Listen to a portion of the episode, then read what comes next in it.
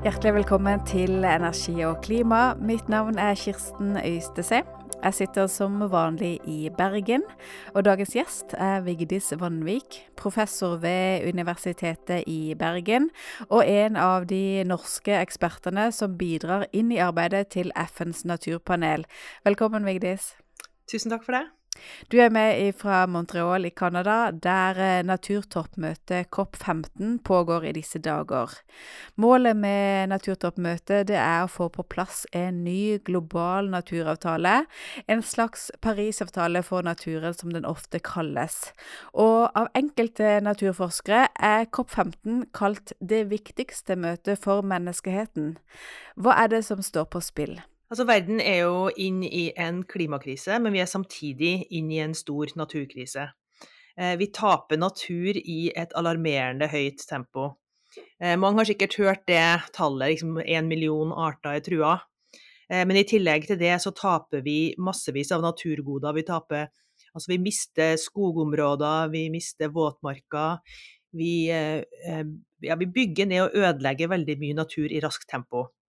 Og den eneste måten å stoppe det her på, er jo gjennom en felles global innsats for å ta bedre vare på naturen.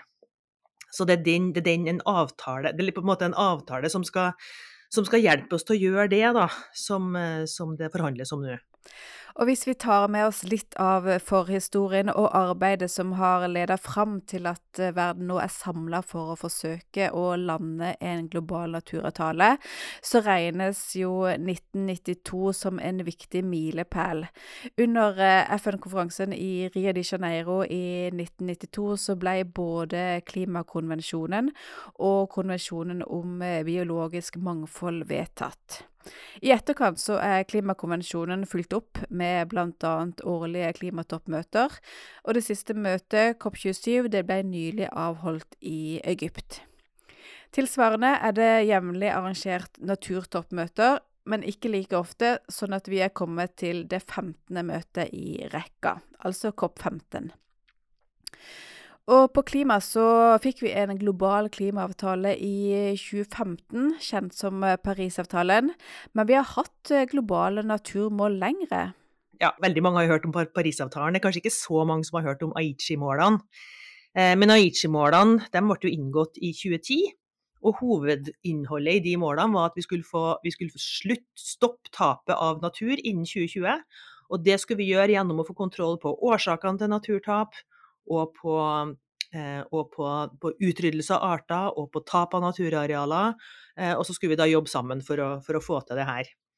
Eh, og når, når, det ble gjort opp status i 2020, da, så viste det seg at ingen av verdens land, heller ikke Norge, hadde klart å oppnå noen av de målene.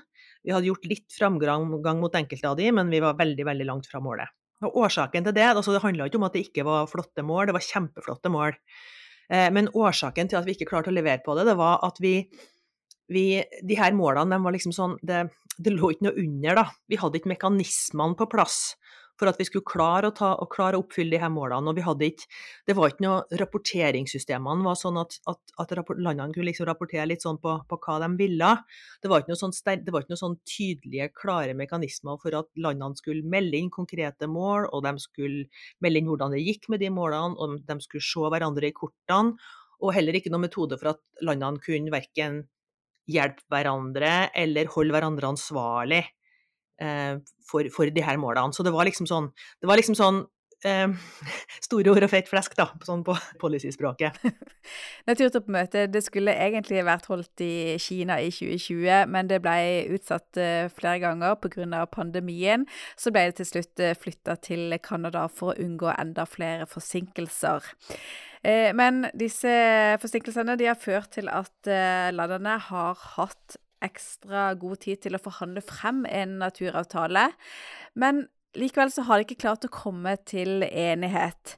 Helt frem til eh, toppmøtet starta nå 7.12, så har det vært uenighet egentlig om store deler av teksten og de målene som er omtalt i avtaleutkastet. Dette gjelder jo også målet om å verne 30% av naturen, og et mål om å stanse tap av arter, som er noe av det sentrale som omtales i avtalen. Hvordan har dette vært eh, jobba med hittil, og hva skjer nå på møter for å forsøke å oppnå en enighet? måten det her fungerer på, da, er at det har jo foregått forhandlinger liksom i veldig lang tid. Og de forhandlingene her foregår på en sånn måte at alle skal være enige. Um, og hvis de ikke er enige om noen ting, så setter de sånn klammeparentes rundt det. Uh, sånn helt fysisk, altså på, i, i, dokumentet så setter de en klammeparentes rundt det.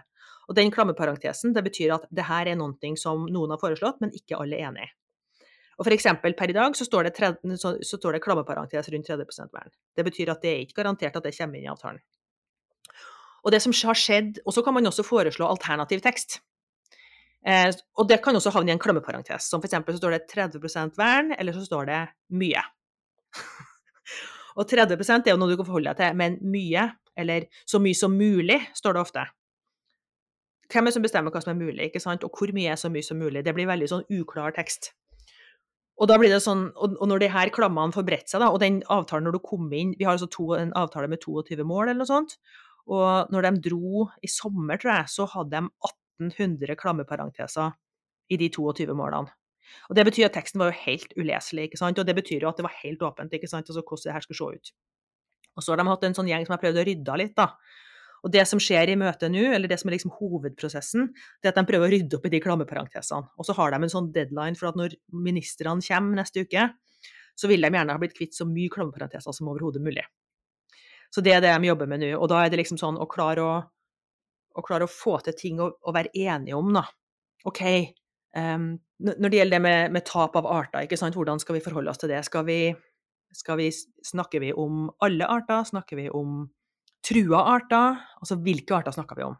Og hva skal skje med de artene? Skal vi stoppe menneskeskapt utryddelse? Eller skal vi halvere utryddelsesraten?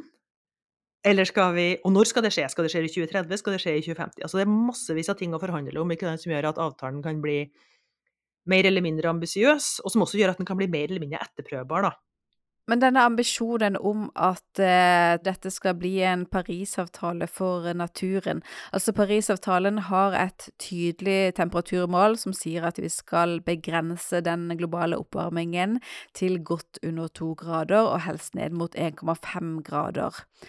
Hvis eh, naturavtalen skal bli like tydelig, er det da målet om å verne 30% som er det viktigste å enes om, eller er det andre av disse 22 målene som nå er inne i utkastet til avtalen, som eh, må på plass?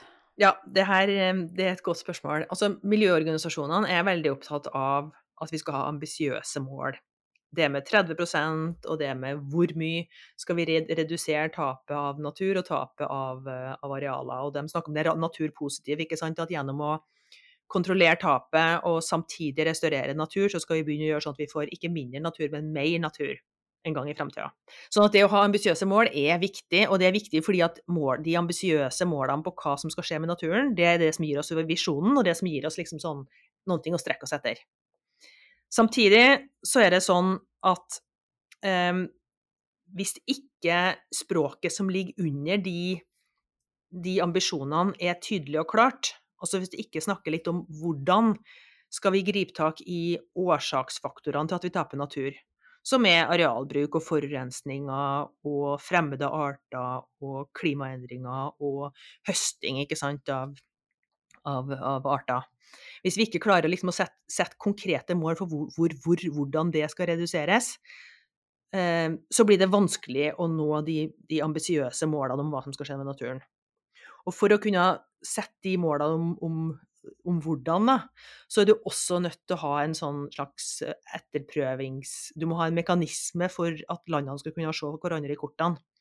For at landene skal kunne bevise at de har levert det de sa, og for at de skal kunne på en måte eh, De kan ikke akkurat straffe hverandre, for det her er jo ikke en juridisk bindende avtale, men de kan i hvert fall liksom sånn eh, se stygt på hverandre, da, hvis de, ikke klarer, de ikke klarer å Jeg vet ikke hva det heter i sånn politiker, eller hva det heter i sånn diplomatspråk, men, men, at de allikevel kan, kan liksom holde hverandre ansvarlige, da, og da må, gode, da må du ha gode mekanismer for å etterprøve. Og da må du også ha gode tall. Du må ha gode etterprøvbare tall på naturen. Og det er jo der forskningsmiljøene kommer inn, ikke sant? for der kan jo vi bidra med måter å framskaffe data på, både på nasjonalt nivå, på globalt nivå, og for den saks skyld også på veldig lokalt nivå. altså Når du ser, bruker fjernmålingsdata. ikke sant? Hvis du, du kan gå inn på Google, eh, på, på, på Google Earth, og så kan du zoome deg inn på Amazonas, og så kan du se hvor mye avskoging det er. Og det er dritskummelt. Eh, men det, kan, men det, kan, du se. altså Du ser veiene, du ser hogststripene. ikke sant? Altså altså, sånn og det å skaffe fram data fra fjernmåling, og skaffe fram kunnskap om hvordan det går med forskjellige typer naturparametere fra fjernmålingsdata, det er utrolig virkningsfullt og veldig, veldig viktig. Så igjen, for da har du muligheten, altså da har du data som du kan Så hvis noen sier liksom at nei, her går det kjempebra, eh, så har du mulighet til å si at vet du hva, dataene sier noe annet. Mm. Det er 196 land som har signert konvensjonen om eh, biologisk mangfold, og som derfor helst skal bli enige om en eh, naturavtale. Og som du har nevnt, så er det 22 mål i avtaleutkastet. Hva er konfliktlinjene her, og hva er vanskeligst å bli enige om? Um, det er veldig Altså, hvor ambisiøs man skal være er veldig vanskelig. Hva betyr det? Ambisiøs på hvilken måte? Ambi ambisiøs betyr liksom å ha, å, ha, å, ha, å ha, ambisjoner om å faktisk stoppe tapet av natur veldig raskt. Ambisjoner om å stoppe utryddelser, om å stoppe tapet av naturarealer, om å restaurere natur. Altså at, at det som faktisk skal skje på bakken. Der er det uenighet. Eh, noen vil ha veldig tydelige, klare, ambisiøse mål. Norge er en av de landene. Eh, mens andre vil gjerne ha liksom litt sånn runde, vage formuleringer. Og gjerne sånne type 'hvis mulig'. Eh, vi vil ikke vi, vil fjerne, vi skal være en 30% men vi skal være en så mye som mulig innenfor de rammene hvert enkelt land har. Det er to veldig forskjellige måter, eller liksom sånn ekstremene, da. Så det, så det, er liksom en konfliktlinje. En annen veldig viktig konfliktlinje eh, er jo det mellom utviklingsland og utvikla land eller mellom rike og fattige, da, hvor utviklingslandene eh, mangler De trenger jo eh, de, de, trenger videre økonomisk utvikling, ikke sant? og det er enkelt å basere det på naturressurser. Det er mer komplisert hvis du sier at ok, vi skal, vi skal ikke ødelegge mer av naturen vår, men vi skal ha utvikling på andre måter. De vil ha hjelp til det. Um, og det er jo forståelig. Eh, samtidig så er det sånn at, at, rike land, og da også Norge, har jo ikke lyst til å bla opp masse penger hvis de ikke vet at de pengene bruker De har ikke lyst til å bla opp mer penger enn de må. Og de har ikke lyst til å, eh, å betale til alle eh, som ønsker det. Og der har vi sett i klimaforhandlingene sant, at, at, eh, at de, som, de, som, er fra gammelt av er klassifisert som utviklingsland, en del av de har, de har jo blitt rike eller har blitt mer velstående, blitt, fått, fått en god utvikling. ikke sant? Men da, da, må de også komme ut av den sekken av de som skal ta imot, og begynne å bli de som skal gi. Og det å få land til å, liksom, å gå fra, det, fra, den ene til den andre kategorien, det er ikke noe enkelt. Og Det er f.eks. Kina, sant? Å oh, ja. ja. Kina, faktisk noen av gulfstatene i det hele tatt, ikke sant. Så ja. Eh, en annen ting er jo store landbruksland. Altså land som driver veldig intensivt landbruk. Eh, de er jo lite interessert i å gjøre noe med arealbruk, ikke sant.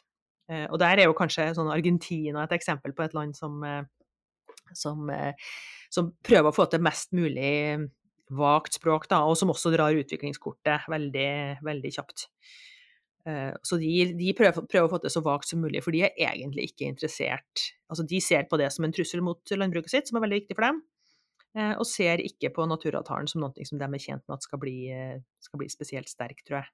En annen, en annen viktig konfliktlinje eh, er jo det med genetiske ressurser.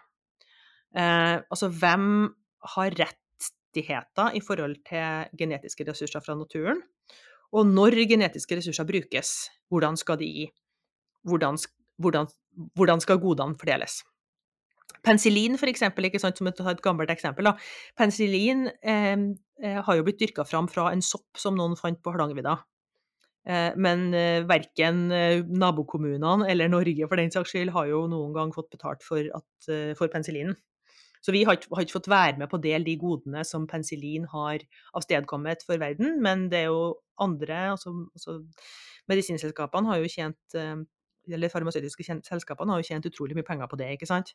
Men tilsvarende nå så finnes det utrolig mye genetiske ressurser, og da særlig i fattige land, ikke sant. Det finnes genetiske ressurser og andre typer ressurser, naturressurser som kanskje ikke på, kommer til å basere seg på storstilt høsting, men som kan basere seg på å ta gensekvenser ut fra naturlige arter eller systemer der, ikke sant, og bruke de til noe. Eh, og, hvis, og på ene sida så, så, så, skal kunnskap være åpent tilgjengelig. ikke sant? Det er et veldig viktig prinsipp som blir stadig sterkere i vitenskapen og i sånn verdenssamfunnet generelt, at vi skal dele kunnskap.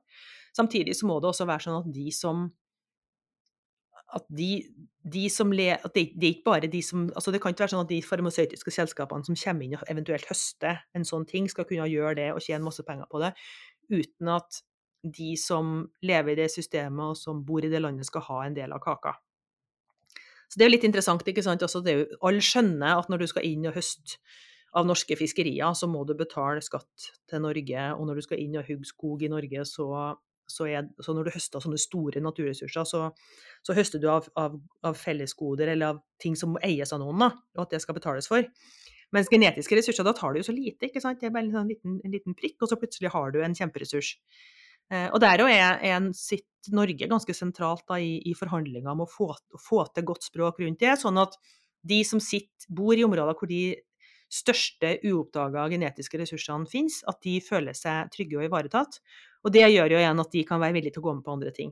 Et tema som, eh, som også ser blir diskutert, det er jo den balansen mellom vern eh, versus bærekraftig bruk. Eh, det er jo Norge et eksempel på at vi ønsker jo kanskje mer å fremme bærekraftig bruk f.eks. av havområdene enn vern. Hvordan er disse konfliktene, og opplever du de på, på møtet? Det er også Og der, der, er, det, der er det minst tre aktører, da. Der har du én, så har du de som, eh, de som, snakker veldig hardt om, om vern om strengt vern. Det, det er liksom én posisjon, da.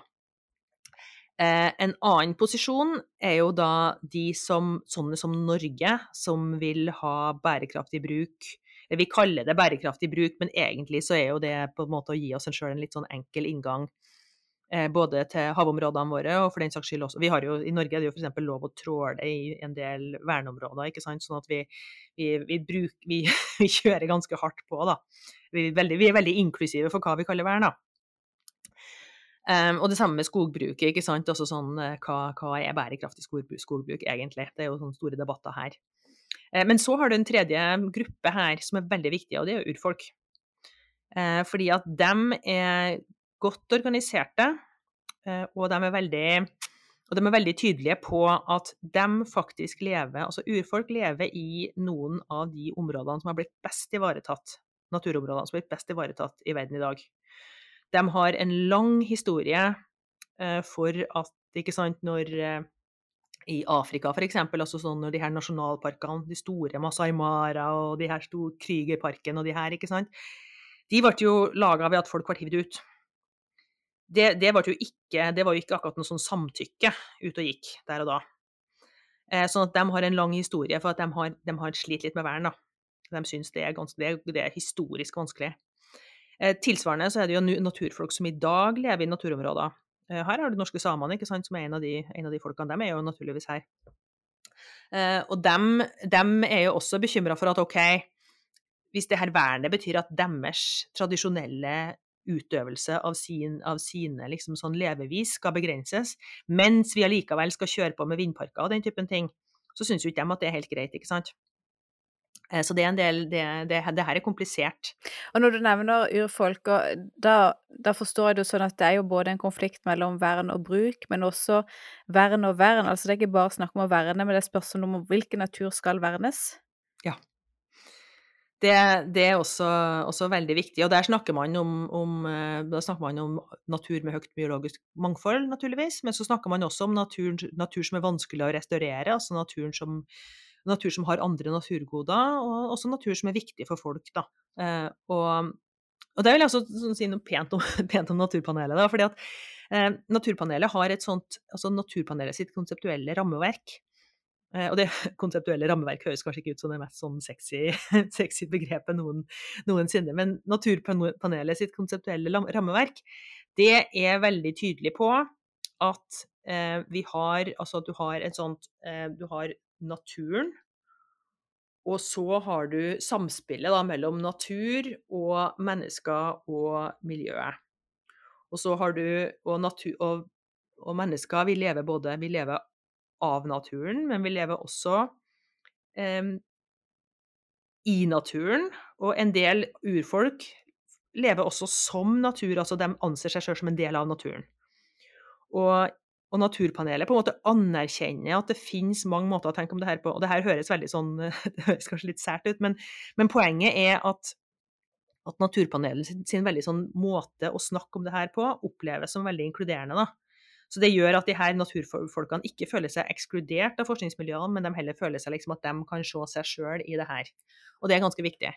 Og her har altså sånn Naturpanelet har gjort ganske sånn nybrottsarbeid. Da, som Hvis du sammenligner f.eks. Naturpanelet og Klimapanelet, så var Klimapanelet starta ut som et mye mer sånn rent forskerpanel med veldig sånn harde fakta og modellering av trender og den typen ting. Mens Naturpanelet starta på en måte som en mer sånn helhetstenkning, da.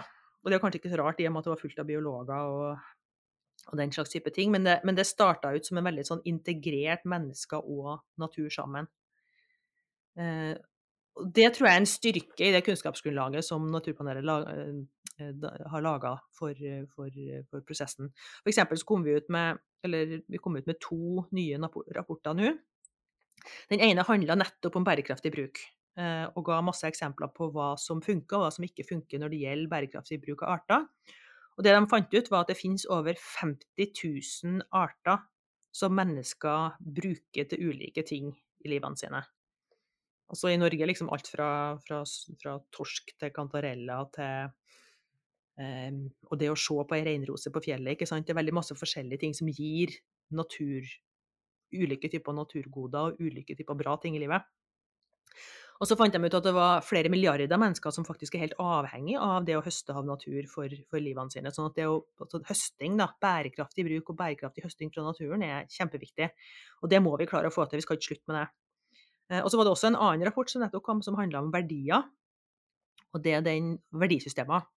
Og det den rapporten pekte på, var at det finnes utrolig mange måter å sette verdi på naturen på. Altså du har rent pengeverdi, og så har du masse forskjellige altså de, de, fant ut noe sånt som 50 forskjellige verdisystemer tror jeg, for måter å sette, sette, verdi på naturen på. Men det de også fant ut, var det at de beste beslutningene tar du hvis du klarer å tenke på, ha flere tanker i hodet på en gang. Og det, kanskje, det høres ikke ut som sånn rocket science, men, men det, er ganske, det, er ganske, viktig. Altså skal, du, det er viktig å ta naturen inn i de økonomiske beregningene, samfunnsøkonomien, men det er også kjempeviktig å ta andre typer verdier med i samfunnets beslutninger. Mm. Naturtoppmøtet det starta 7.12. og skal vare fram til 19.12. Vi er altså omtrent halvveis inn i møtet.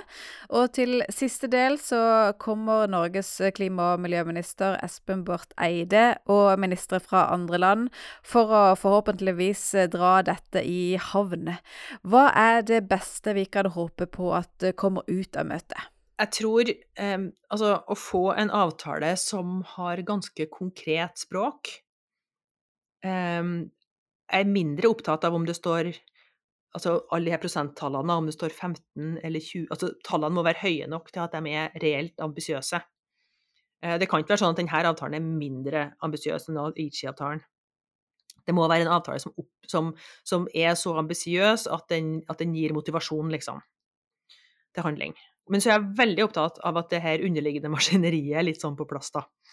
Eh, det, det, som gjør at vi vil være i stand til å, til å, til å, til å møte målene. Altså det hjelper lite å ha kjempe... Du kan ha perfekte mål, men hvis oppfølgingsmekanismene er uklare og dårlige, og hvis dataene ikke finnes, og hvis det ikke samarbeides om finansiering, så kommer ikke noe til å skje. Og, og arter reddes og tapes på bakken, liksom, i, ut i virkeligheten, i, i, de virkelige landskapene. Der det, der det skjer.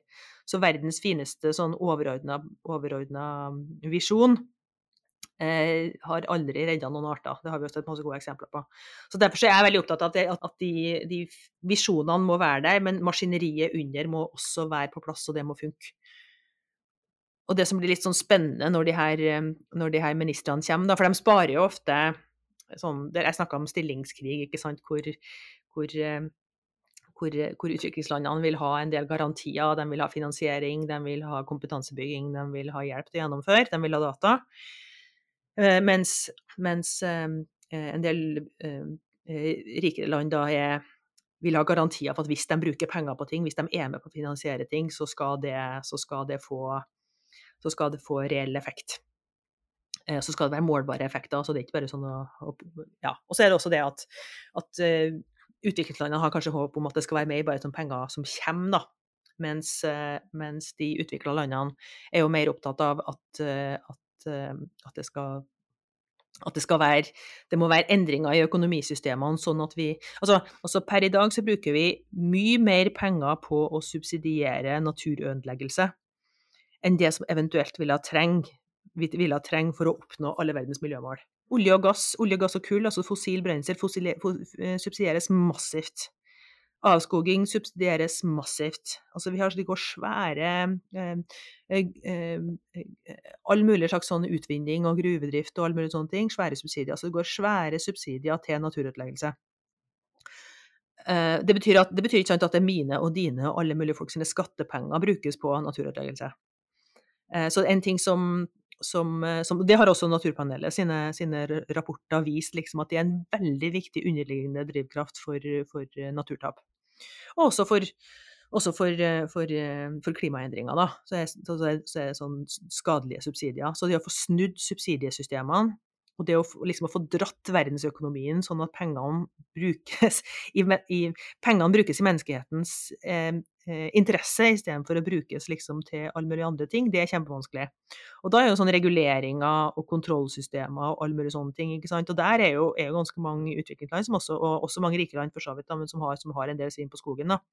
Det finnes store ressurser, men de ressursene havner gjerne på avveie, da.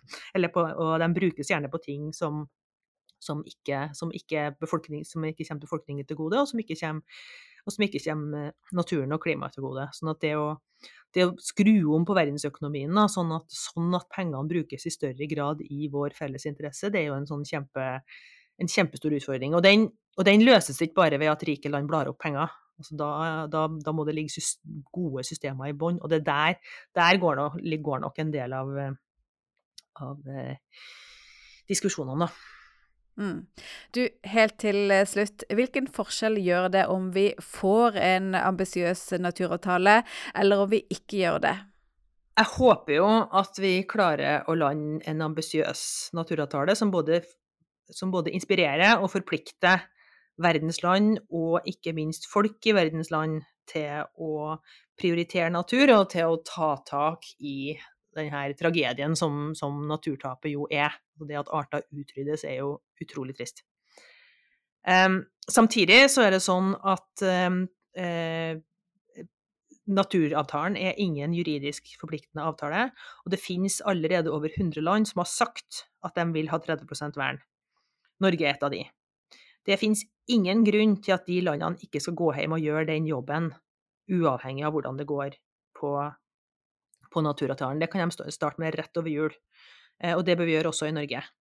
En viktig forskjell mellom naturkrisen og klimakrisen, det er det at du kan se på klimakrisen som et slags sånn globalt problem som får veldig lokale konsekvenser. Altså CO2 går ut i atmosfæren, atmosfæren er felles for alle, og det er det som driver klimaendringene, og de klimaendringene får veldig store eh, lokal, eh, lokale konsekvenser.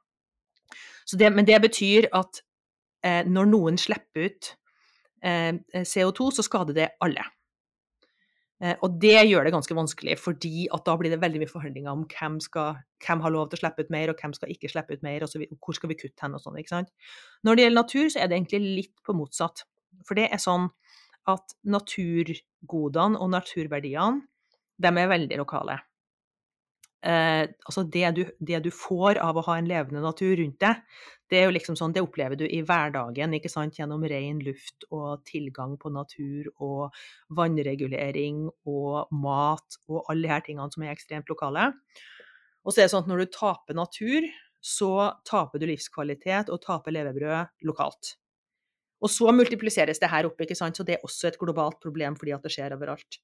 Men nettopp det at naturen er så lokal, gjør jo at de enkelte landene har veldig mye å tjene på å ta vare på sin egen natur. Så, så det er på en måte en sånn, en, sånn en, en, ting som kanskje er litt lettere egentlig i, i naturspørsmål enn det er i klimaspørsmål. Da. For det er den, den, lokale naturen som må ivaretas. Ingen kan si liksom at ja, ja, det er veldig viktig å ta vare på natur, men det kan man gjøre liksom et annet sted. Det er vår natur vi er avhengig av, det er vår natur vi høster gode av, det er vår natur vi er glad i, og derfor så, så, er, det, så er det på en måte Så blir det veldig lokalt, da. Ja. Men fint. Du, da sier jeg tusen takk for at du var med fra Montreal i Canada, Vigdis Vanvik. Tusen takk for meg.